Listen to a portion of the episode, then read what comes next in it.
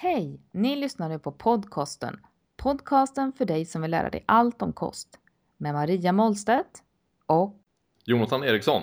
båda utbildade inom näringslära och personlig träning. Välkomna!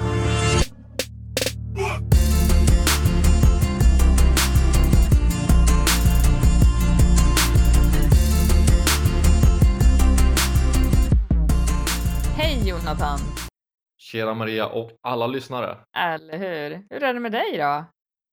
Strålande. Trots eh, snöfall utanför fönstret så känns det som en ganska pepp dag. Oh, fullt upp alltså. Ja, idag är ganska lugnt faktiskt. Igår var galet, men eh, idag är lite mer på den lätta fronten. Ja, skönt. Ja, jag håller på att förbereda en eh, PT-utbildning. Så här är det, här är det fullt upp. Hur går det med det? Går det bra eller? Eh, ja, jag kommer hålla den första i under april månad här nu. Eh, och det är ju genom Ah. Personal Training School i Stockholm eh, som jag har fått det här förtroendet då att leda deras tränarutbildning. Vilket är, ja, det är fantastiskt roligt. Eh, utbildningsunderlaget är ju klart från skolan, men det är mycket praktiskt runt omkring. Som att jag har beställt ett skelett till exempel. Ja, det kan bra Ja, och ha. det Några visade, skelett i garderoben. ja, eller hur? Det visade sig vara nog så svårt. Ja. Jag är nu inne på min andra beställning i och med att eh, skänker, de bokstavligt talat bröt benen på den här stackaren.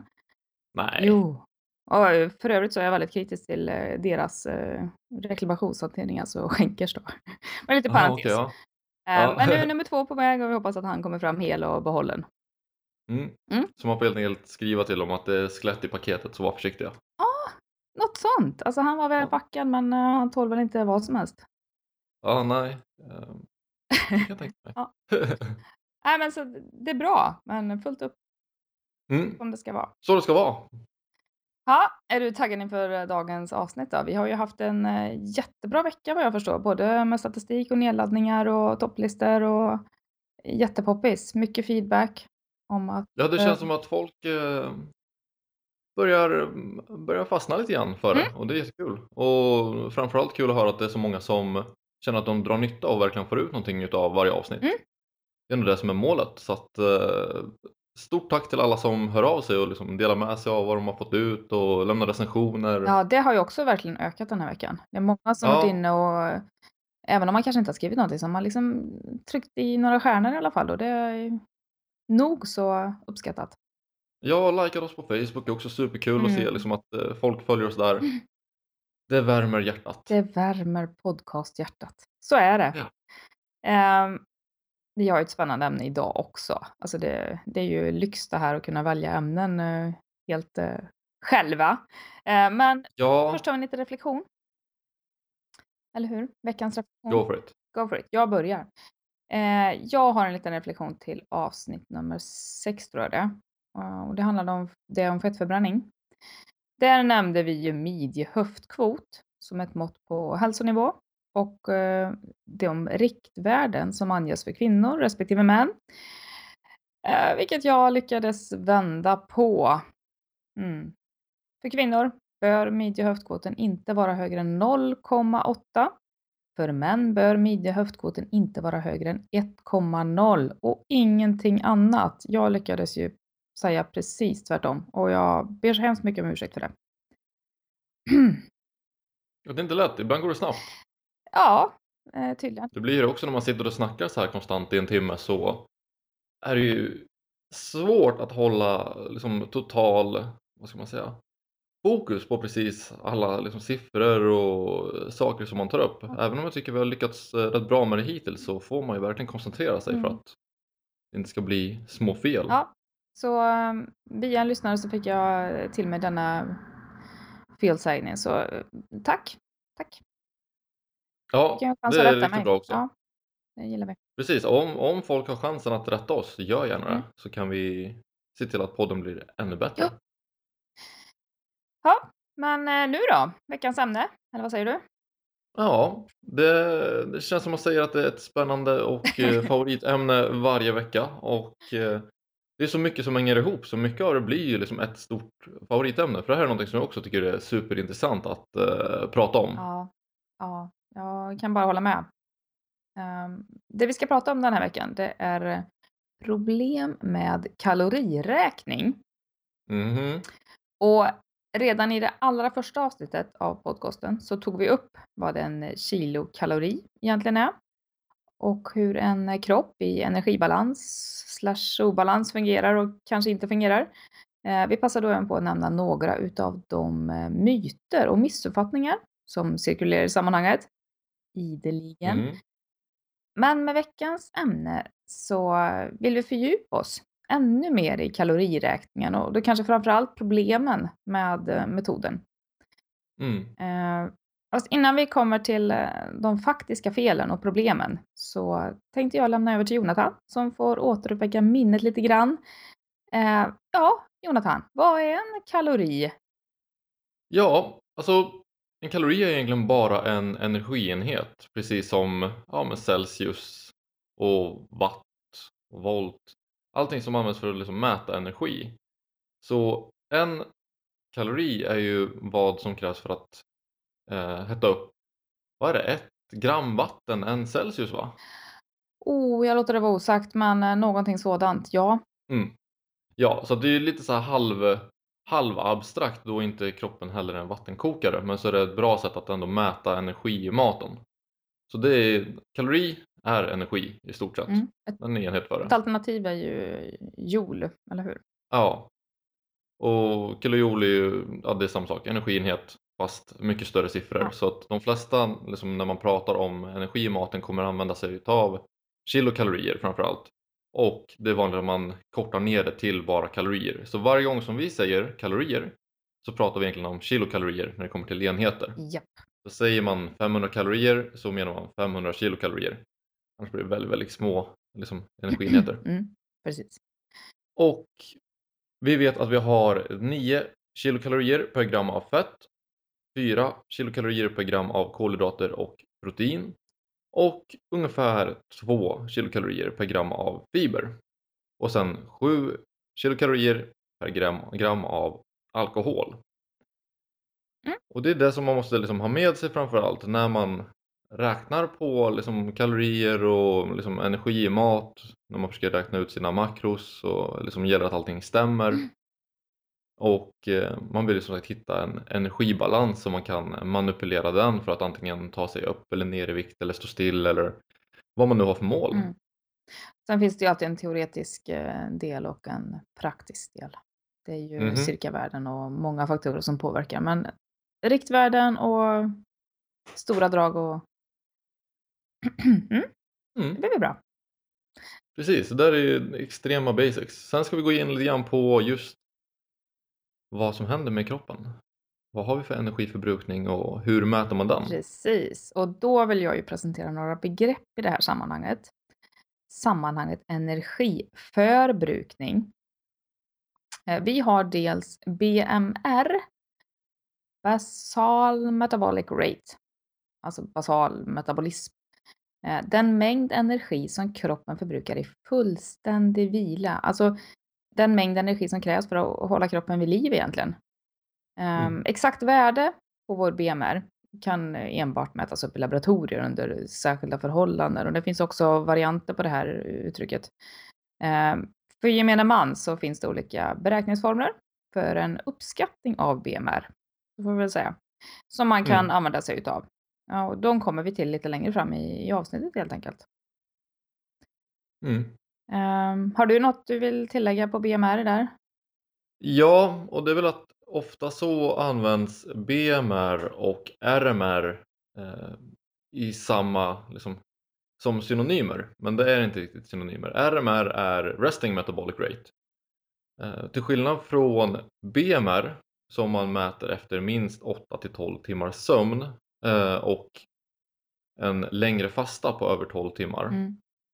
Så är resting metabolic rate lite, lite slappare. Det är mer så här, men eh, har du liksom legat i soffan i, i typ fyra timmar så kan man räkna en resting metabolic rate. Mm.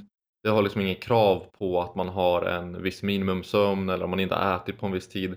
Så det är lite liksom slappare begrepp för ungefär samma sak. Mm. Men det är ändå värt att veta att de här används olika framförallt när man kollar på studier och när man liksom försöker läsa sig till lite mm, mer exakt information om man säger så. Vi skulle kunna säga att de syftar till ungefär samma sak, men, eh, men det är väl mer hur själva mätningen har gått till som som den här första bokstaven. För jag vet det finns även SMR, Sleeping Metabolic Rate, Mm. eh, och säkert fler varianter. Så Ja, det är mer hur men- man har tagit fram den här siffran. Ja, och de kommer ju skilja sig lite grann för äter man en massiv portion mat innan man går och lägger sig Mm. och man sen vaknar sex timmar senare så kommer man ha en lite högre RMR än vad man hade haft en BMR eftersom kroppen måste liksom arbeta med maten i liksom magsäck och Mm. sömnen har varit kortare så det kommer påverka hur stresshormon påverkar eller förbränningen. Mm.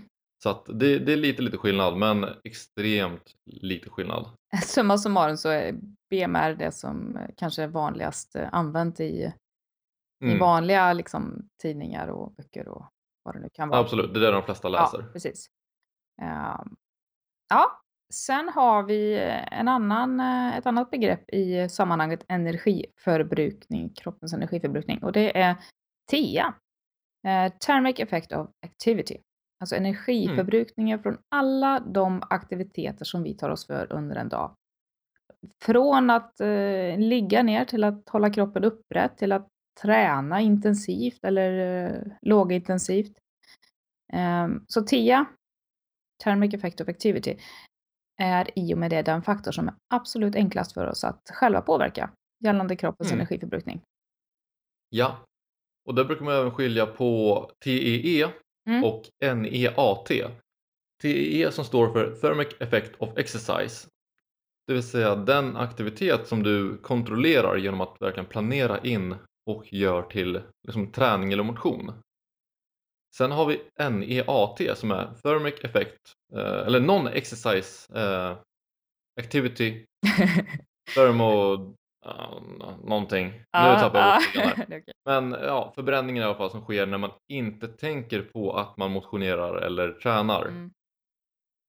Vad det innebär är att till exempel om du är en lite så halvnervös och energisk person och du sitter och typ diggar till musiken eller så här smådansar i din stol när du jobbar Mm. så kommer det påverka din förbränning. Men det är ingenting som du någonsin kommer tänka på att du gör. Eller om man sitter liksom och duttar med foten i golvet eller du vet går lite grann mer fram och tillbaka i lägenheten medan du pratar i telefonen. Mm. Sånt som du inte planerar men sker ändå. Mm. Så den här är lite mer, eh, det är någonting som sker mer i bakgrunden än. TEE. Nej, vi har en basal faktor och vi har en aktivitetsfaktor och sen så är den olika detaljerad helt enkelt. Ja. Eh, men sen har vi också TEF, Mm. Thermic Effect of Food, alltså matens termogena effekt. Den mängd energi som kroppen eh, förbrukar i samband med matintaget. Alltså det är ju nedbrytning, det har vi pratat om i det tidigare avsnittet. Det är upptag, det är transport, det är förbränning, inlagring utav alla de här näringsämnena. Det är ju en stor apparat som, eh, som följer efter en måltid inne i kroppen. Mm. Eh, TEF kan man säga, det beror bland annat på måltidens storlek och komposition. Ja. Eh, kolhydrater och fett generellt lättare för kroppen att eh, omsätta. Det kräver helt enkelt mindre, prote- mi- mindre energi ska jag säga, än vad eh, protein gör. Ja. Eh, så protein har alltså en högre termogen effekt. Mm. Och den termogena effekten är alltså utöver den här basala förbrukningen och den förbrukning som sker genom vår aktivitet. Eh, totalt brukar man, eh, om man nu ska uppskatta det här då, så utgör TEF cirka 5-10% av kroppens totala energiförbrukning. Mm. Lite individuella skillnader där. Ja. Ja, det beror lite på hur mycket av olika saker man äter. Man, eh, man har sett att TEF kan käpa, alltså det har en övre nivå på runt 15%. Eh, Och vad det beror på är lite oklart, jag har inte lyckats hitta någonting på men jag gissar att det är för att skydda kroppen från liksom, ja, falsk feber liksom, så man inte går in i feber för man äter för mycket protein eh, och liksom för mycket energi. Ehm, Så att i och med att kroppens temperatur faktiskt höjs av TEF så kan man inte bli hur varm som helst utan man börjar må dåligt. Mm. Och om man kollar på mer exakta siffror på just TEF så kan man se att protein kan påverka liksom, TEFen med hjälp av uppemot 20-30%. och kolhydrater mellan 5 till 15 medan fett inte påverkar TEF särskilt mycket även om man liksom äter i stora mängder. Så det påverkar runt 0 till 3% extra. Så det kan man ju se att äter man mycket protein så har en tendens att påverka TEFen eh, mer. Däremot har man ett stort överskott från fett så kommer det inte kanske påverka TEFen fullt så mycket. I alla fall om man inte har det i samband med protein så att kroppen liksom kan bruka mer av proteinet för att öka temperaturen. Sen kan jag tänka mig att spannet mellan i kolhydraterna här är ganska så olika också. Jag menar det är skillnad på rent socker eller eh, rå, ja, en råkosttallrik liksom. Mm, det har jag ingen aning om faktiskt. Det var bara en tanke. ja, så kan det absolut vara. Så. Ja, så kan det vara. Um, och sen om man kollar på det här med BMR och RMR mm. Så är ju det ganska intressant och många kan uppleva sig ha en långsam eller snabbare förbränning. Det har man, hör man ofta liksom folk prata om, man tror att det är liksom sin grundförbränning som det är någonting fel på. Mm. Och RMR, alltså den här Resting Metabolic Rate, tycks skilja sig ungefär 7 till 9% mellan människor. Mm. Det vill säga att man kan alltså ha 3,5 till 4,5% högre eller lägre än liksom standarden om man säger så. Och hur mycket det här blir i slutändan eh, det leder till en extremt liten skillnad. Om man har någon som till exempel skulle förbränna 2000 kalorier MRM, vilket är ganska mycket i liksom ett vilande tillstånd, så skulle det vara en skillnad på alltså 40 kalorier mm. mer eller mindre än standard. Det är ett halvt äpple. Så någon, ja, någon med riktigt dålig förbränning, alltså extremt dålig förbränning mm. i RMR, mm. RMM, ja, eh, skulle alltså ha en förbränning på 1940 kalorier medan någon som har en extremt bra vilande förbränning mm. skulle ha en förbränning på 2040 kalorier. Ja, en otroligt liten skillnad som inte gör mycket i längden. Däremot så har vi skillnader mellan kvinnor och män, men det, det ser man ju framförallt då i förhållande till kroppskompositionen. Då. Generellt så har ju mannen eh, lite mer muskelmassa och då påverkar det. Mm. Eh, får man en högre förbränning då. Eh, sen värt att nämna vänta, är... Vänta, vänta, vänta. Ah, Där! Ja. Jag måste stanna det där. Ja, ja tack. Ja. Att uh, muskelmassa skulle förbränna mycket mer nej, fettmassa. Nej, jag sa är... inte mycket. Jag sa lite. Nej, nej. Okay. Pyttelite. Alltså, det är samma sak där ungefär. Eller jag menade i alla fall att det är väldigt liten, liten skillnad ändå. Ja, ja, absolut. Det är en minimal skillnad mellan fettmassa och eh, muskelmassa när det kommer till ren förbränning. Ja. Har du någon siffra på det förresten? Det är ju ganska intressant. Har ingen siffra. Ingen siffra, nej. Men uh, skillnaden är marginell i alla fall. Ja, absolut. Det är ingenting som gör en större skillnad. Eh, värt att nämna är ju också att BMR sjunker faktiskt med åldern. Mm. Absolut. Uh, och det tror jag också att man relaterar till kroppskompositionsförändringar och, och sådana här saker. Det finns säkert fler faktorer, men. Mm. Troligtvis så mycket man rör sig också genom NEAT. Känns som det går ner. Mm. Känns som folk sitter mer desto äldre man blir i stort sett. Och det gör ju en väldigt stor del för förbränningen. Så är det. Uh, mm. Vad har vi för olika energiberäkningsprinciper och metoder här nu då?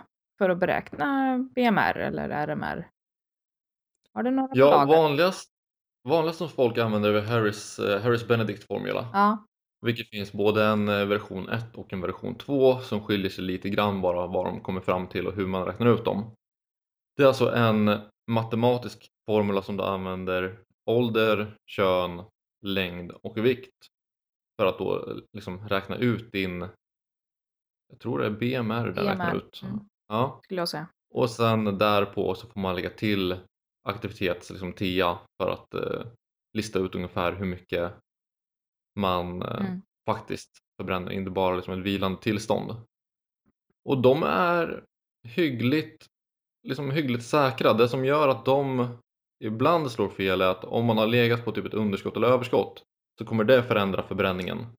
Så även om inte grundförbränningen på, ett, på en energibalans kan vara så stor, liksom, så stor skillnad mellan mm. hos olika individer så kan ändå underskott och överskott påverka ens förbränning ganska mycket. Mm. Men det är framförallt genom NEAT som den förändrar ens förbränning. Mm, och NEAT stod för, du får gärna upprepa det så att eh, Non-exercise activity eh, thermodynamics. Ja, bra.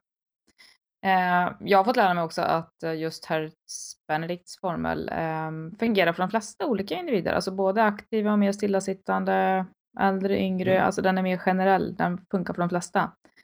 Ja, Medan eh, exempelvis WHOs eh, formel, där tar man bara hänsyn till kön, vikt och ålder tror jag.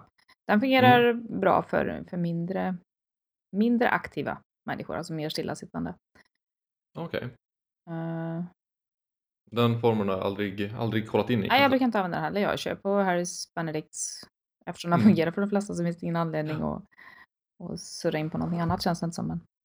Nej, det finns två andra metoder som jag gillar. Mm, Och ena är Kevin Hall har utvecklat en kalkylator som finns tillgänglig i olika appar och även liksom online. mm, Och den är extremt bra. den är bra också. Mm, Den, ja, för den tar också hänsyn till eh, viktnedgång, viktuppgång, alltså kaloriunderskott, kaloriöverskott. Så medan ingen annan kalkylator faktiskt listar ut hur ens förbränning kommer öka eller sjunka så har den här uh, vissa liksom marginaler för vad som räknas hända med, uh, med förbränningen under tiden. Om man liksom har ett viktmål uh, framför sig. mm, Till exempel vill man minska 5 kilo kan man slå in det. Så räknar den ut ungefär hur mycket mindre kalorier man bör äta och hur mycket förändring man bör kunna se med marginal beroende på hur förbränningen svarar på underskottet. Och så räknar den också ut den här sänkningen hela tiden. Och sen en enkel, om det är så att man har legat på ett underskott eller överskott en längre tid så kommer Harris Benedict vara eh, mer felaktig från start så man kommer behöva mer justeringar. mm, Vad som går att göra istället är att man väger sig, vi säger en söndag. Sen tar du och liksom loggar alla dina kal- kalorier så noggrant du bara kan i en vecka. Väger dig liksom varje dag den veckan. mm, Sen tar du och slår ihop alla dina kalorier som du ätit liksom totalt under veckan och delar det på sju så du får ett snitt. mm. Och sen ser du hur mycket vikt du har förändrat på den här veckan, om du gått ner eller upp. Då kan du räkna ut ungefär hur mycket av ett underskott du har legat på. Om man kollar på den liksom klassiska eh, halv kilo fett är lika med 3500 kalorier. Eh, det går att dra liksom ett relativt snitt där, då kan du se ungefär hur mycket underskott eller överskott du har legat på under den här veckan. Det känns ändå som att det är någonting man behöver göra över tid, alltså upprepa flera, vid flera tillfällen då, för att annars så, jag menar ett tillfälligt lite mer vätska i kroppen, eh, får man ett annat utslag Absolut. på vågen och så vidare. Den är ju inte... Den där är mer problematisk också för kvinnor. Då är det Mm. en större tendens att ha liksom, skiftningar i veckan. Mm. Så det kan absolut vara bra att liksom, upprepa den. Om man vill ha riktigt, riktigt precis siffra så kan den vara bra att upprepa för liksom, folk som har en tendens att binda mer vätska liksom, i förhållande till stress eller så. Mm. Eh, att göra flera gånger. Så det är, det är också det här vi kommer in på, det här med att är, man kommer aldrig få en exakt siffra om man inte har tillgång till ett väldigt dyrt labb. Nej, det är en teoretisk, eh, en tumme, en pekfinger, hint, en bra startgångs... eh, Startvärde kanske då. Precis, och det, det är det som gäller om man inser att liksom, när det kommer till kaloriräkning så är ingenting 100% säkert. Utan din utgångssiffra som du utgår ifrån kommer inte stämma 100%. Vad man räknar kommer kanske inte heller stämma 100%. Men ändå kan man dra otroligt mycket nytta utav det genom att se det som riktmärken och manipulera det längs vägen Mm. så man liksom hela tiden drar nytta av den egentligen data som man samlar in genom att räkna. Ja, eh, så kan man ta fram sin BMR och det finns ju precis som du nämnde olika eh, appar och, och program på, på nätet också att, Mm. att ta hjälp av. Så man behöver liksom inte ens slå på miniräknaren själv utan man kan faktiskt Ja, det är så skönt. få hjälp med det där. ja, Jag kan säga att jag, jag personligen använder nästan enbart av Kevin Halls eh, kalkylator. Mm. För den tycker jag är ja, superenkel att jobba med och man får till bra data plus att Kevin Hall är ett eh, stort geni när det kommer till just eh, forskning kring kalorier, viktminskning och allting där. Så mm. han har stort förtroende hos mig i alla fall. Ja. Men då har vi koll på BMR eller RMR. Eh, Mm. Sen har vi ju energiförbrukningen vid eh, fysisk aktivitet då, den här TIA som vi pratade om. Eh, och den skulle jag väl säga är nästan ännu lite svårare att försöka ta reda på eller hamna rätt på. Ehm, det finns några mer eller mindre vedertagna beräkningsmodeller och metoder för Mhm. uppskattning av TA, alltså Thermic Effect of Activity, energiförbrukning vid aktivitet, rörelse. Eh, dels så har vi faktormetoden och det är en beräkningsmodell där man utgår ifrån att eh, olika typer av aktiviteter, som att eh, sitta, ligga, gå, träna etc. förbrukar olika mängd energi i förhållande till den här framräknade BMR, då, alltså den basala äm ämnesomsättningen. Mm. Ehm, fast den här metoden den kräver att man för en noggrann aktivitetsdagbok över eh, en längre tid med alla aktiviteter listade och därför kan man ju lätt uppleva den här som lite väl eh, övermäktig, minst sagt. Ehm, en betydligt eh, enklare och många gånger mer tillämpad metod för beräkning av TIA eh, kan ju vara PAL, alltså Physical Activity Level, där man via tabeller med mer övergripande beskrivningar av sin aktivitetsnivå får ett riktvärde i alla fall att multiplicera med. Ehm, så då, då hamnar man kanske lite närmare då. Det, det är inte så en krävande process att ta reda på det där. Nej, där ligger ju ofta fokus också på TEE. Mm, Så PAL är jättebra för att eh, få ett hum om hu- hur ens TE påverkar en. Men det glömmer ju helt bort eh, NEAT egentligen. Mm. Vilket är den eh, lite mer snurriga siffran att hålla koll på. mm. Det är mycket teorier nu. Oh ja! Om man är nördigt intresserad av att ta reda på den exakta siffran här. Mhm. Ehm, men vi känner väl ändå att vi vill eh, ta med det här då i beräkningen av eh, kroppens energiförbrukning helt enkelt. Ja, eh, NEAT är ju det som för mig i alla fall är mest intressant. Jag tycker det, den är så svår att sätta ett finger på Mm. och det är så mycket som påverkar det. Liksom när vi går till exempel på ett grovt kaloriunderskott så kommer kroppen att motivera oss till att sitta mer. Vi kommer vilja ta det lugnare, vilket kommer sänka vår NEAT, vilket kommer sänka vår energiförbrukning och liksom energiförbränning. Mm. Så är man till exempel på en diet och man liksom går hårt på den här dieten så kommer man att vilja sitta mer neråt. Alltså det, man vill, kommer vilja ta det lugnt, man kommer röra på sig mindre. Troligtvis kommer man typ så här spontandansa mindre till musiken. ja. Eh, mycket sånt kommer påverkas utan att man tänker på det, vilket sänker vår liksom, energiförbränning i bakgrunden. Ja, för där säger du ju någonting väldigt intressant också. Att om man nu, låt säga att man går på en, en diet med ett energiunderskott, man minskar hela tiden i vikt och regelbundet efter någon form av plan, då förändrar man ju också sin BMR. Absolut, så man har både BMR och NEATen som sänks. Går in och liksom eh, förändrar den här siffran då som man teoretiskt har räknat fram. Så det är inte så att man Mm. ligger på en viss nivå och sen så mm, vidhåller man den, utan den förändras ju under resans gång. Absolut, och det är där som många, väldigt många gör tabben att kolla på det här, men 3500 kalorier är lika med ett halvt kilo fett. Mm. Och sen räknar man på liksom framåt, så bara men om jag liksom har 500 kalorier underskott den här veckan och nästa vecka Mm. och veckan efter och veckan efter det så borde jag tappa 2 kilo fett. Mm. Men det man inte räknar med riktigt är att det här underskottet vid vecka liksom 2-3 kommer inte längre vara på 500 kalorier om dagen. Utan då kanske kaloriunderskottet plötsligt ligger på 300 eller 250 kalorier om dagen och fortsätter sjunka. Så då kommer man inte liksom i slutet av de här fyra veckorna ha tappat 2 kilo fett utan då kommer man kanske ha tappat liksom 1,1 kilo någonstans där runt.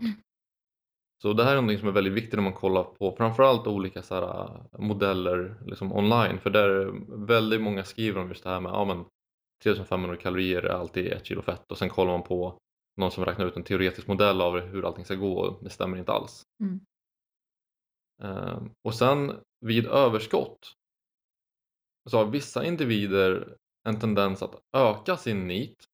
Alltså de börjar röra sig mer när de äter mer. Indirekt. An- Ja, de, de Indirekt, tar i ja, lite precis. mer i träningspassen. De kanske rör sig lite mer i vardagen. De Ja. kanske får lite mer energi att, att spontandansa eller vad det var du sa. Ja, eller sitter liksom bara så här fibblar med fingrarna. Det är väldigt små saker. ja. Det är därför som kaffe kan påverka till exempel ens eh, NEAT eh, till att börja med, eller ens förbränning. Mm. Om man får lite, lite mer energi så man faktiskt rör på sig lite, lite mer så kan man lätt öka sin förbränning med 100 kalorier per dag. Mm. Men det är någonting ofta man blir liksom van vid också. Men vissa individer sänker sin NEAT vid kaloriöverskott. Det här börjar bli riktigt jobbigt och vad som separerar från att vara liksom svårt och lätt för folk att lägga på sig eller gå ner i vikt. Just hur man svarar på det här överskottet eller underskottet. Och det är någonting som man inte liksom kan säga när man direkt ser någon och bara ah, men du verkar ha en dålig NEAT eller inte. Mm. Utan det kan vara någonting som är ganska svårt att lista ut. Men jag tror att vi alla känner folk som liksom, ja, kan äta hur mycket som helst men går aldrig upp i vikt. Och sen har vi någon som äter ganska lite men har en tendens att liksom inte gå ner i vikt. Ofta om man kollar på hur deras rörelsemönster ser ut när de inte tänker på att de rör sig så kan man se att det finns en viss skillnad i liksom, eh, hur de rör sig. Framförallt hos barn tycker jag det kan vara extra tydligt om man ser det som att någon rör sig konstant och äter sjukt Mm. mycket och någon sitter mer still och kan därför äta mindre. Mm. Mm. Det är väl ett av de vanliga problemen med eh, kaloriberäkning kan man väl säga. Ja, just att det är svårt att spåra svaret på liksom en viss siffra. Mm. Men det är därför också som det inte går direkt att säga ja men den här personen kommer klara sig med eh, säger 500 kalorier överskott. För då kanske det är en person som svarar väldigt positivt på överskott, Mm. Rör sig extra mycket och sen helt plötsligt så ligger personen på 50 kalorier överskott efter liksom inräknad NEAT. Man får öka hela tiden och sen så visar det sig att han bara rör sig mer och mer och mer. Ja precis, då kan man få behöva öka liksom till och mycket tills personen börjar bli mätt nog för att bara behöva ligga i soffan efteråt. Nej men Mm. någonting liknande. Eh, för att det, man behöver justera hela tiden. Ja. Samma sak om man tar ett underskott och någon liksom bara sitter mer och mer stilla och rör sig mindre och mindre och mindre kan man också behöva sänka underskottet för att ja, faktiskt jämna ut det med niten. Det luriga är ju det att man ofta kanske inte är medveten om de här små förändringarna utan eh, passen blir lite mer eh, mindre intensiva. Att man sitter Mm. lite mer, att man går lite långsammare, att man gör saker och ting lite mer slow. Det, det är Mm. inte säkert man är medveten om det. Man tycker väl själv kanske att man tar i lika mycket eller Ja, för det mesta så är det någonting som inte upplevs. Mm. Så att, därför är det bra till exempel om man ja, ska upp eller ner i vikt och till exempel om man har en stegräknare på telefonen. Mm. Bruka den så man ser liksom om man har en positiv eller negativ trend där. Mm. Det kan vara ett sätt att hålla efter det. Eh, Man kan se en otrolig liksom, skillnad i förbränning, daglig förbränning hos folk med olika jobb. Har man någon som sitter i kassan på ICA så liksom blir det väldigt mycket extra stillasittande. Jämför den personen med en skogsarbetare liksom, som är nere och sågar träd i skogen Mm. så kommer ju liksom, den som jobbar så aktivt ha en otroligt mycket högre förbränning. Mm. Jag vet ett, en studie jag kollade på som eh, kollade just på olika arbeten så var det en, alltså en skillnad i förbränning på 2000, runt 2000 kalorier mellan någon som hade ett väldigt aktivt jobb och väldigt stillasittande jobb. Alltså det är en otrolig det, det är skillnad. väldigt mycket. Det är, det är väldigt mycket. Det är verkligen mer än vad de flesta liksom tränar sig till eh, typ över en vecka i stort sett. Det är massa mat det. Det är massa mat, massa extra mat. Ja, vad har vi mer för klurigheter i sammanhanget då? Vi har ju våra... ehm, vi har ju pratat väldigt mycket om den um, framräkningen här nu. Sen har vi ju Mm. näringstabeller som vi måste förhålla oss till då om vi ska ehm, ja, alltså ta reda på vad, vad maten egentligen innehåller. Och där finns ju också lite eh, fällor, får vi väl säga. Mm. Innan vi lämnar träning helt Ja. så kom jag på en sak till som jag känner att vi måste ta upp. Mm. Och det är det här med att konditionsträning och styrketräning verkar påverka oss olika hur vi hanterar niten dagen efter. Igen, tillbaka till niten. Mm. Eh, och det är att folk som konditionstränar, vi säger om man konditionstränar bort 500 kalorier på en fredag, så tycks kroppen svara genom att eh, dra ner på NEAT och liksom aktivitet över 48 timmar för att försöka att göra upp för det här underskottet på 500 kalorier som man skapade genom konditionsträning.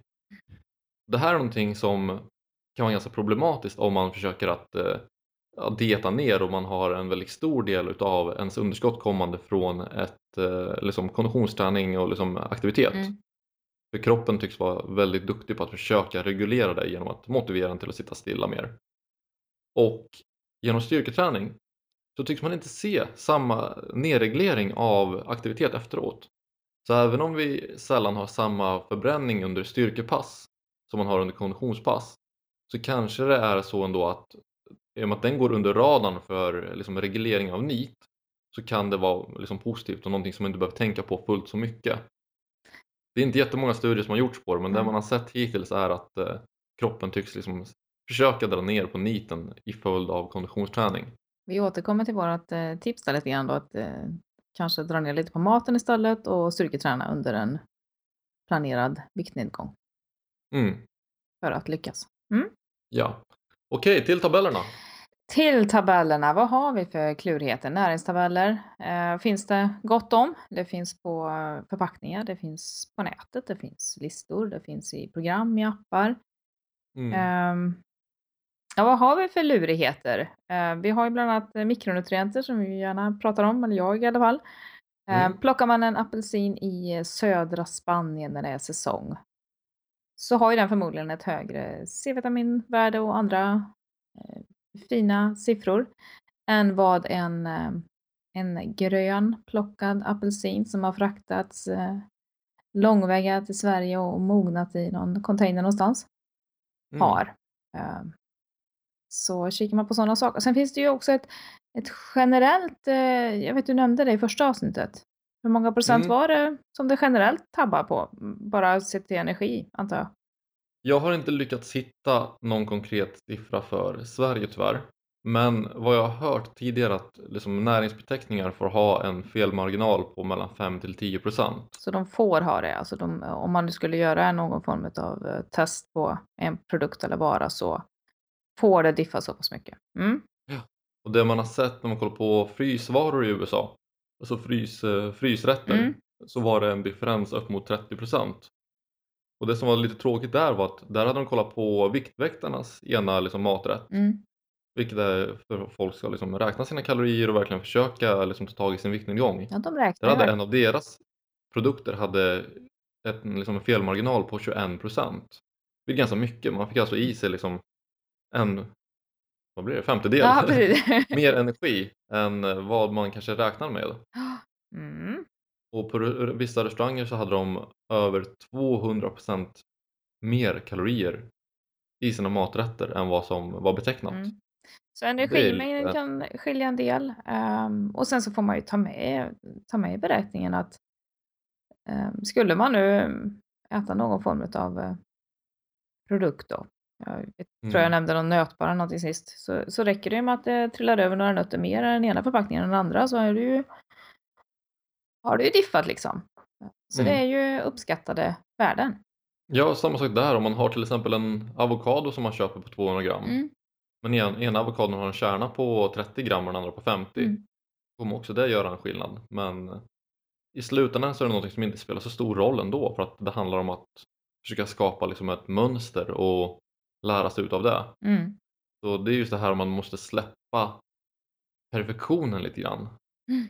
Att det kommer aldrig gå att få en perfekt exakt siffra om du inte har tillgång till extremt dyr labbutrustning. Precis. Nej, vi pratar ju väldigt eh, exakta värden här och sådana saker, men eh, i det stora Mm. hela så arbetar man väl mer med ett eh, annat perspektiv.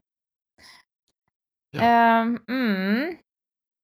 Det kan ju också vara skillnad i, i mikronutrientfloran där utifrån var, eh, var någonting har växt. Alltså växter de Mm. eh, suger upp ifrån eh, näring ifrån marken. Mm. De där mineralerna hoppar ju inte hoppar ju dit av en orsak, av en anledning. Eh, Så det får man väl också ta lite höjd för. Att man, eh, att man väljer eh, närproducerade råvaror efter säsong. Mm. Just det, säsong är bra. Eh, Och där kan man också se som sagt, när vi pratade lite grann igår så nämnde vi det här med apelsiner från Florida och Spanien. Mm. Det också. Eh, Och där kan man se att alltså, apelsiner från Florida innehåller inte i närheten av lika mycket C-vitamin som eh, apelsiner från Spanien. Av någon konstig anledning. Mm. Ja, det var konstigt Så, faktiskt. sånt, sånt påverkar också, det är ingenting du tänker på kanske när du går och handlar. Bara, "Ja, men det här är en liksom, amerikansk apelsin och därför är den fattig på C-vitamin. Mm. Jämfört mot den här spanska som vi har liggande vid sidan eller om alla liksom är blandade eller hur det är. Eh, Mm. Så det är vissa saker som man kommer, liksom, eh, man kommer missa helt enkelt. Mm. Det är likadant jag hörde med mm, sötmandlar tror jag det var. Också USA. Konventionellt Mm. odlade med bekämpningsmedel. Och så jämförde man dem med kravmärkta eh, mandlar från kan det ha varit Italien eller någonting sånt, någon liten bergsort där och såg jättestora Mm. skillnader i näringsvärde och näringstäthet då. Och de växt lite långsammare, de har liksom växt naturligt och så vidare. Medans det andra var en annan sort kanske, anpassad för den här industrin. Jag skulle säga att det är väl troligtvis en större grej för att hittills har man inte sett några skillnader mellan alltså näringsbeteckningen när det kommer till vitaminer och min- mineraler när det kommer till ekologiskt mot icke-ekologiskt. Det är så här krav också. Jag vill Ja. nog inte dra ekologiskt över en kant där, utan jag ser väl Vad att det finns... är krav? Det har inte jag riktigt koll på. Ja, men de tar in lite mer. eh, Jag har inte den framför mig, men eh, de tar Faktorer. in många fler faktorer. Eh, Okej, så okej. är det ju i sammanhang och ställer högre krav helt enkelt på, Ja. på råvarorna. Eh, Så nej, jag vill nog hävda att det kommer att visa sig fler skillnader där också. Mm, vi får väl se Vi får väl vart se. forskningen tar vägen. Ja, Fortsättning följer. Nej, men, ja, men precis. eh, Eh, vad har vi mer för vanliga fallgropar och fel? Vi har ju, mm, ja, vi har ju tillagningen, eller hur? yes, i alla fall när det kommer till eh, mycket vi- vitaminer och mineraler och även eh, upptag av saker och ting. Mm. Vi pratade om broccolin där. Mm. Broccolin är intressant. Broccolin är rolig. För där har vi ju vissa ämnen som vi kan ta upp ur en rå broccoli Mm. som försvinner och blir förstörda när vi kokar den. mm. Men vi har vissa bra och jättenyttiga ämnen som vi enbart kan ta upp ur en till exempel tillagad och kokad broccoli som vi inte kan ta upp i en rå broccoli. Nej. Så vi får Så- eh, äta både och helt enkelt. Mm. Så det är inte nödvändigtvis liksom bra eller dåligt att tillaga mat utan vissa råvaror kommer ha olika effekter beroende på tillagning och båda kan vara positiva eller negativa. Mm. Så där måste man, man kan inte dra alla över en och samma liksom kant där utan där måste man verkligen tänka på vad det är för råvara och vad man vill ha ut av det. Du nämnde också några färgämnen i tomat va? Ja, precis. Eh, fytonäringsämnen finns det ju en del i, bland annat tomater. Det finns ju många, många grödor, men eh, Mm. just de i tomat kan vi ju lättare ta upp när de värms upp, tomaterna helt enkelt. Det är därför jag alltid väljer att eh, ta i med min tomat genom pizza. Ja, okej. Eller?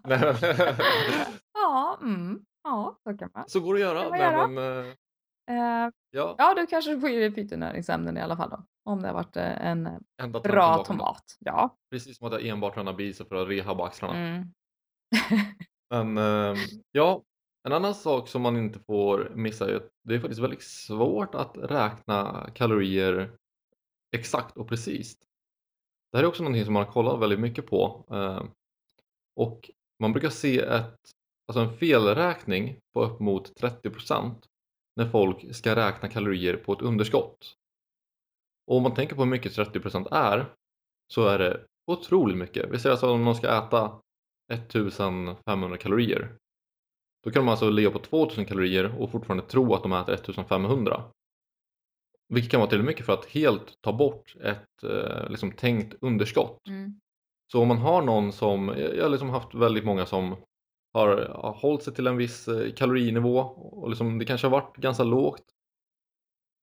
Till exempel så är det inte helt ovanligt att någon säger så bara, ah, men jag kan inte komma upp i, vi säger, eller jag kan inte komma upp i 2000 kalorier när det egentligen är ett överskott eller underskott. Och sen eh, liksom säga, ja ah, men jag får inte i mig mer än 1400 per dag. Och så är det en fullvuxen man.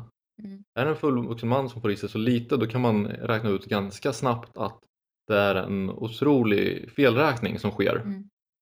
För att eh, framförallt om personen inte liksom sjunker i vikt. Då vet man att ja, då ligger de fortfarande på sin eh, liksom, energibalans som ligger kanske 600-700 kalorier över vad de påstår att de äter. Mm. Då, då vet man, då är det någon liksom, felräkning som har skett längs vägen. Och samma sak där när det kommer till eh, kaloriöverskott.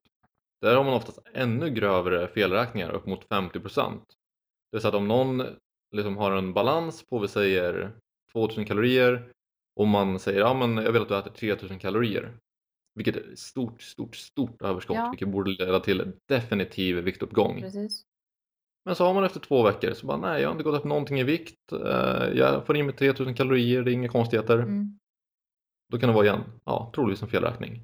Där kan man få behöva öka eh, både kalorierna liksom uppåt och neråt. Mm. mer än vad som kanske konventionellt hade sett eh, liksom normalt eller, Mm. eller som rekommenderat ut. Det kanske liksom det teoretiska underskottet man skapar kanske blir mycket, mycket grövre än det praktiska. Och där får man liksom hantera det med tiden eh, så att det faktiskt funkar bara. Det finns en teori och det finns en verklighet. Ja, så då får man bara se till att teorin anpassas efter hur verkligheten kanske ser ut. Mm. Eh, fler vanliga fallgropar som man kanske gör själv om man ska börja och, och lista de här sakerna som man eh, äter och tillagar. Det är väl att man, att man väger vid fel tillfälle så att säga. Man väger råvaran vid fel tillfälle. Ta en kycklingfilé exempelvis och så väger man den efter tillagningen. Då har den ju förlorat massa vätska och såna här saker. Mm. Normalt sett så väger man dem alltså innan då. Så man, man väger alltid allting i samma form som du köper egentligen. Köper du en Mm. fryst kycklingfilé, mät den, äh, väg den fryst. Mm. Köper du en rå, väg den rå. Köper du en tillagad, väg den tillagad och slå in den som tillagad. Ja, för att det ska stämma Eh, på. Ja, för annars är det väldigt lätt att säga bara men jag käkar bara 200 gram kyckling till lunch. Mm. Och sen var den superstekt, inte ett gram vätska i den. Då kanske det liksom motsvarar ja, men 450 gram rå kycklingfilé. Mm. Och sen har man fått i sig väldigt mycket mer energi än vad man trodde. Ja. Så det här är en ganska liksom vanlig miss som folk gör. Att de, framförallt vet jag också med ris och pasta att folk liksom väger innan och efter. Ja, precis. Då blir det en otrolig skillnad för de drar ju till sig mycket. Det blir tvärtom det ja, precis. Istället för att släppa ifrån sig vätska så suger det upp vätska. Mm. Mm. Nej, så det är någonting att hålla koll på att man väger det vid rätt tillfälle så att säga om man nu ska väga någonting. Mm. Mm. Och vissa saker är lättare att liksom missa att väga och liksom räkna in. Till exempel så glöms det ofta bort att man dricker kalorier. Till exempel, alltså vanlig sak som folk glömmer bort är till exempel mjölken i kaffet, sockret i kaffet, om man dricker en juice. Eh, Folk har helt enkelt en större tendens att glömma bort flytande föda när det kommer till räkning i slutet av dagen Mm. än vad folk har med mat som man tuggar. Dock så är snacks också väldigt vanligt att man glömmer bort. Till exempel går man förbi en eh, vi säger, godisskål eller man tar ett äpple så är sånt väldigt lätt att man glömmer just för man får inte ut samma liksom, mättnad och tillfredsställelse av det som en riktig måltid. Nej. Det kan också bli att liksom, ja, men har man två eller tre snacks per dag är väl inte helt ovanligt. Och då kan man lätt glömma bort 250-400 kalorier bara därifrån. För du då adderar liksom mjölk och socker i kaffet, då kan du lätt komma upp i liksom en felmarginal på ja, men 500 kalorier per dag. Bara från små saker som lätt glöms bort. Så händer inte det som man förväntar sig ska hända så har man förmodligen räknat fel någonstans. Då är det dags Ja. att börja felsöka. Och det är inte alltid helt lätt men eh, just om man försöker vara så noggrann som möjligt. Mm. Märker man att saker går fel, försöker liksom logga allting så precis som möjligt, så tätt in på måltiden som möjligt. Mm. Så man inte tar det liksom i slutet av dagen om man märker att liksom, någonting inte riktigt stämmer. Skyll inte på att man har dålig ämnesomsättning. Nej precis, för den vet vi hur det står till med. Mm. Det har vi pratat om nu. Eh, Eh, vanliga knasigheter som, eh, som man kan se många gör är ju också att man ligger på ett väldigt stort underskott på veckodagarna och sen så är helgen där, det vet vi ju att en svensk helg nu för tiden det är ju fredag, lördag, söndag va? Mm. Plus onsdag från, från lunch ungefär fram till midnatt. Jag tror det är något sånt Ja, då. mm, jag har förstått det. Ehm, och det ju, kan ju vara väldigt svårt att, att hämta igen ett sånt överskott om man skapar det de dagarna. Ja, om man eh, låtsas att det finns ätardagar vart eh, någon sorts fe plötsligt trollar bort alla kalorier man äter så att det inte räknas eller Mm. vad teorin där bakom nu är. Det är också en myt i sammanhanget att man tänker sig att den här ätardagen då skulle stimulera ämnesomsättningen så vansinnigt mycket så att det bara rinner av det lite mer än dagen innan helt enkelt. Ja, precis. Alltså, det, går, det går ju att använda extremt taktiska ätardagar kan man dra nytta av ibland och vissa kan absolut dra nytta av det. Men det gäller att det finns en plan bakom dem och man vet varför man gör dem och vad man räknar med att få ut utav dem. Mm. Och de flesta helt ärligt besitter inte riktigt den kunskapen för att veta vart man lägger den nivån bra och vart man, liksom, när man ska ha ätardagen och hur man maximerar nyttan utav den. Så det är otroligt vanligt med ätardagar och folk är såhär, ja men jag ska ha en ätardag så nu ska jag äta allt grisigt som jag har drömt om i Ja, veckan. det är det också. Alltså gris... Grisbulken där. Ja. Ja, det är otroligt lätt att förstöra liksom fem dagars kaloriunderskott genom en dag av helt ohämmat bingeande. Liksom Mm. vart man bara trycker i sig all Ben Jerrys man har saknat och liksom Ja. allt sånt. Och det är ju faktiskt inte så att alla får ut ett fantastiskt bra träningspass dagen efter. Alltså för mig så skulle det vara tvärtom om jag grisade så. Eh, jag skulle bli otroligt slö i min kropp kan jag ju säga. Ja, vissa blir bara tunga av det och känner sig bara uh, det här gick inte. Vätskeballong och trött. Trött helt enkelt. Mm. Trött på att eh, äta så mycket, den mängden mat helt enkelt. Mm. Ja, nej. Så det är väldigt individuellt också hur man svarar på det. Däremot ett, en, en friare måltid eller så vidare i en pågående diet så att man känner att man får lite mer energi, lite nytändning, lite socialt eh, sammanhang. Ehm, kan ju faktiskt eh, påverka niten igen då. Mm. Absolut, och jag använder mig ganska frekvent av fria måltider Mm. men aldrig fria dagar. Just för att det finns en viss gräns till hur mycket du faktiskt kan eh, få i dig på en måltid och även där man har liksom vissa riktlinjer. Så här, ja, men en fri måltid är liksom inte förrätt, huvudrätt, efterrätt och vin. Nej. Liksom, utan det är liksom en huvudrätt och en förrätt eller en huvudrätt och en efterrätt eller liksom en huvudrätt och ett glas, två glas vin. Liksom. Så det finns en viss måtta på det hela. Sen är det också väldigt individuellt. Ger man någon fria tyglar så kommer någon att eh, ta alla tyglar och någon kommer att liksom, ah, men, ah. Så det är lite olika ja, också. precis, så är det. Eh, Så är det absolut. har märkt. Så det får man hålla koll på också med längden. Så rör sig allting som det ska? Mm. Nej, okej, dags för en ändring. Rör sig allting som det ska? Ja, men perfekt, då behöver vi inte göra någonting. Mm. Ehm, Det är väl, Det var Det om små vanliga fallgropar, ja precis. Vi har det här med reverse dieting skulle vi snacka om också. Ja, vi har ju snackat om det eh, ganska länge. Men vi har inte pratat om eh, begreppet som sådant. Nej, Det skulle alltså vara då att man eh, höjer upp energimängden då, eh, vad jag förstår, och att man då skulle få en bättre ämnesomsättning och i och med det så kan man äta mer helt enkelt. för Man har ju förstört sin ämnesomsättning, eh, Mm. heter det ju. Ehm, men det är väl snarare en, en nit, ett nitsammanhang där också va? ja, absolut. Ehm, Just reverse dieting är en ganska fancy term just nu inom liksom fitness-communityt och bodybuilder-communityt. Ehm, Just för att vissa av namnen har liksom höjt upp det till skyarna och säger att det är nödvändigt för att kunna bygga så mycket muskelmassa utan att lägga på sig fett och så. Men så att höjer man eh, sakta men säkert så kommer man ju påverka niten förhoppningsvis. Mm. Vissa kommer inte påverka alls. Men eh, utan att man går allt för banana. Så efter en show kan det vara bra att ta små steg upp. Mm, De absolut. behöver inte vara liksom helt minimala utan det borde inte ta så mycket mer än ja, två, tre veckor att komma tillbaka på en ganska normal ämnesomsättning efter en Mm. show. Och därefter behöver man inte liksom stega upp det sakta, sakta, sakta, sakta, sakta i en oändlighet. Utan eh, där kan man liksom ja, hoppa lite mer om man har bättre koll och lättare att kontrollera Mm. ämnesomsättningen ändå. Ja, så då har vi blockat den. Mm. Ehm, nej, men det, det är väl de vanliga, vanliga felen, är det inte det? Ja, jag tror det. Ehm, Annars får ni höra av er igen och så får ni säga vad, hur ni har upplevt det. Ni har gått på några fallgropar. Ja, absolut. Just det, en vanlig fallgrop Ja. som jag glömde bort faktiskt. Det här med att man slutar räkna innan man ens har nått dag fyra. Jag har märkt att de flesta upplever kaloriräkning ganska jobbigt Mm. i början. Är så bara ah, krångligt och liksom hålla på och liksom kolla upp nya maträtter och spåra. Oftast är det så här, dag ett, helt okej, ganska motiverad. Dag två, bara fan det här var ganska jobbigt. Dag tre, mm. Dag fyra, ja men det här går på fem minuter, inget konstigt. Mm. Så det verkar som det går lättare efter dag fyra för nästan alla som är färska till det.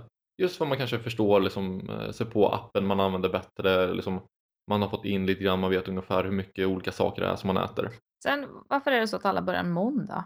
Varför, varför börjar man en måndag? Alltså, få med lördagen och söndagen också. Det är då som de där ehm, över... Det är då man lär sig extra mycket. Det är då man lär sig extra mycket, ja precis, så kan vi säga. Ja, nej, just de här måndagsstarterna är ja, lite Ta en, unika. ta en hel vecka då om man vill ha koll på det där. Vad, vad är det jag stoppar i mig på en vecka? På riktigt. Om man är intresserad av det. Ja, man, alltså jag, jag tycker man, man, alltså man bör spåra kalorier så mycket som det bara går. Mm. Det finns liksom ingen direkt anledning att sluta om man inte blir superångeststressad av det. Då kanske det inte är någonting för en själv liksom. Men då kanske man eh, har någonting annat som man behöver kolla och tänka på lite grann på. Mm. Eh, För att kan man kontrollera sin sitt ätande på en, mer noggrann nivå så kommer det gynna en i längden om man vill ha ett liksom, specifikt mål. Mm. Det gör också lättare att om man har nått ett mål att faktiskt behålla eh, liksom, den formen. För att kroppen har en tendens att börja jobba tillbaka till den gamla formen om det så man inte håller i sin nya form rätt strikt ett tag. Mm. Och bara förstå vad det är som händer och sker. Vad får jag i mig egentligen? Vad... Ja, en klassisk utvärdering helt enkelt. Ja, precis. Eh, och vi har ju pratat om det och räkna kalorier om man nu ska göra det på egen hand. Eh, du hade något tips där på en bra app, eller hur Jonathan? Ja, jag rekommenderar verkligen MyFitnessPal. Jag har använt det själv i flera, flera, flera år. Den blir bara lättare och bättre att använda och det finns liksom all mat i den. Den har eh, sådär, Svensk mat också. Ja, svensk mat, engelsk mat. Du kan nog söka på vilket språk du vill. Mm. Och du kan även scanna streckkoder med den, vilket är ganska smidigt. Mm. Så hittar man liksom rätt direkt. Och sen kan man också lägga till vänner på den liksom som har ett nätverk. Se så bara, ja men eh, kolla här, Ville uppe i 10 dagar av spårade kalorier. Bara hell yeah, duktigt. Ät som jag. Klicka, klicka en like på det. Eh, och sen går det också att göra så att man öppnar upp profilen så att vänner i nätverket kan se vad man har ätit. eh, Vilket kan vara ganska schysst sätt att hålla sig själv, eh, liksom an, ge sig själv ansvar för sitt spårande så man vet liksom att ja, men folk kan kolla vad man har ätit och om man är ett gäng vänner som alla ska göra en förändring så kanske det kan vara mot- vara motiverande. Liksom. En utveckling av Instagram-bilderna alltså. Ja, bort med Instagram-bilden och fram med MyFitnessPal. ja, okej. Ja, nej, men där har ni ett tips då på. Och då kan man anta att man även kan beräkna sin eh, teoretiska energiförbrukning i och med det. Ja, den har någon sån här Inbyggd. eh, formula liksom. Så det är ganska duktiga folk som jobbar bakom den. eh, Så att jag tror säkert den är helt okej också. Den var länge sedan jag använde mig av liksom deras rekommendationer. Mm, Jag tycker de kan vara lite halv off ibland. mm. Men sen går det att ställa in mål liksom, och hur mycket fett och kolhydrater och protein man vill äta procentuellt. Ja. Mm. Så det är schysst. Ja, tips där. Mm. Ja, hörru du. Ehm, vi har väl gått igenom i stort sett veckans ämne. Det här Jag tycker det. problemen och är det något du vill tillägga innan vi går in på Jag känner mig rätt färdigpratad om det Ja, här men eller hur? Hållit på ett tag här nu. Ja, men då, då gör vi så att vi tar eh, veckans fråga, eller hur? Vi Yes! får in en del och, vi, och det är via Facebookgruppen då som vi har skapat på, på Facebook helt enkelt. Eh, Mm. Där man kan söka upp podcasten. Gilla den och se vad som händer och sker. Och det kan man även ställa frågor då via antingen meddelanden eller direkt i, i fältet. En del svarar vi på med en gång. Eh, vi vill ju helst ha kostrelaterade frågor, det får vi ju säga. Eh, det kommer in Mm. en del om träning och ja, men eh, kosten, kosten, kosten. Det är det vi har valt att fokusera på, även om vi arbetar med träning båda två. Ja. Och den här veckan så ställde Madeleine en fråga och den passar ju så himla bra i det här veckans ämne. Så den var jag tvungen att ta med. Eh, jag läser. Eh, Madeleine skriver eh, tar en fråga i efterhand angående stora underskott under längre tid. Punkt, punkt, punkt, punkt. Alltså ett underskott på 1000 till 1500 kalorier per dag. Hur påverkar det kroppen? Mm. Vi har ju pratat Mm. väldigt mycket här om vanliga tankevurpor och, och vanliga fel. Eh, sen, eh, så det är ju kanske tveksamt till att man faktiskt ligger, väljer att ligga på det här stora underskottet över en längre tid. Mm. Eller vad skulle du säga? Eh, För det är klart att om man skulle ligga på ett jätte, jättestort underskott, alltså på riktigt jättestort underskott konstant, Mm. vilket innebär att man konstant måste utvärdera och, och förändra mängden energi man stoppar i sig eller mängden energi man förbrukar, Mm. så får ju det negativa konsekvenser över Jag skulle tid. säga att det definitivt kan få negativa konsekvenser. Mm.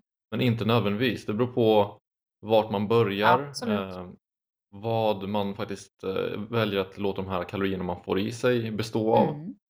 Eh, som sagt, jag har en hel del eh, liksom klienter som är på så grova underskott. Mm. Och eh, jag kan säga så här att deras energiförbränning sänks så utav bara helvete. För att säga det liksom ordentligt, det kan, det kan liksom sänkas mot upp mot 700 kalorier lägre liksom förbränning än vad de egentligen borde ha på den vikten de liksom håller. Mm.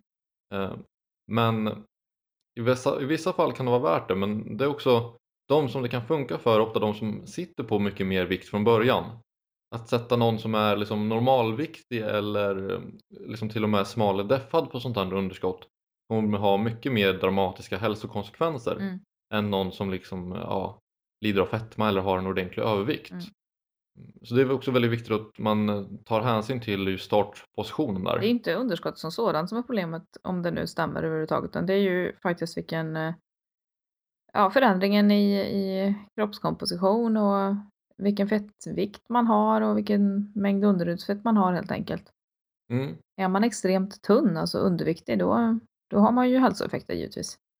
Jag läste faktiskt en studie om just det här med eh, underskott och normalviktiga. Mm. Alltså folk som var normalviktiga men ändå låg på ett eh, avsevärt underskott under en viss tid. Och man såg vissa skillnader i hälsomarkörer som inte verkade vara helt positiva. Men det var också väldigt, väldigt små skillnader så att eh, liksom i slutändan så var det inte signifikant. Eh, däremot kunde man se att så, här, ja, men, liksom, B-skelettet blev lite svagare och eh, våra liksom, hormon, vår hormonproduktion eh, försämrades med detta. Men det var inte alls liksom någon högre grad och ingenting som eh, de som gjorde studien tyckte man behövde oroa sig över allt för mycket. Men eh, Ett större energiunderskott kräver också eh, större krav på vad man faktiskt stoppar i sig också. mm, Det det måste vara mycket mer det noggrann. finns många, många saker där att ta, ta med. Lite svårt att svara på, eller hur? Eller ja, vi, vi har ju svarat på det kanske genom avsnittet då. Mm. Men ja, Ja, men det beror helt på liksom precis var, vart man börjar, vad underskottet består av, vad man faktiskt äter, vad man har för krav på sin kropp, hur mycket man liksom tränar, rör sig, eh, vad man har för jobb. Alltså det är extremt mycket. Hur mycket stress man tolererar. Om man är stresstålig kommer man troligtvis klara av ett liksom större underskott också. mm. Eh, Så extremt mycket olika faktorer spelar in så det är väldigt svårt att säga bara sådär och sen applicera det på alla. och sen kan det ju vara en felberäkning helt enkelt. En utav, att man har gått på en av de här niterna som vi har pratat om. Ja, att man har absolut. feluppskattat Alltså, sin egen. 1000 kaloriers underskott kan försvinna liksom vips och sen ligger man på balans i stort sett. Mm. Så då det är väldigt lätt hänt. Ja, jag hoppas att Madeleine är nöjd med vårt svar där i alla fall. Då. Ja, Eh, vet du vad, ska vi ta och presentera nästa veckas ämne? Det är ju lite roligt också. det tycker jag vi kan göra. Eh, det är stress. Eh, Jajamensan. och där ska vi gå igenom hur eh, kroppen påverkas, vad som händer och sker. ehm, ja, vilka stressfaktorer vi har och, och jag tror vi kommer att prata hormon. Jag tror att vi kommer att Mhm. prata mat. Kommer vi prata.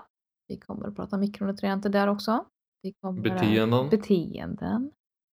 Ehm, ja, det, det blir bra.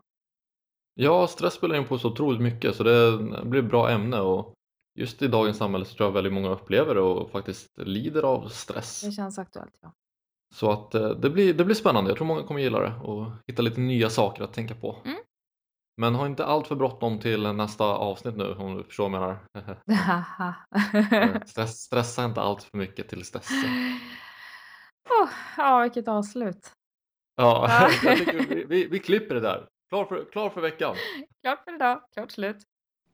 Ni har nu lyssnat klart på podcasten. Podcasten för dig som vill lära allt om kost.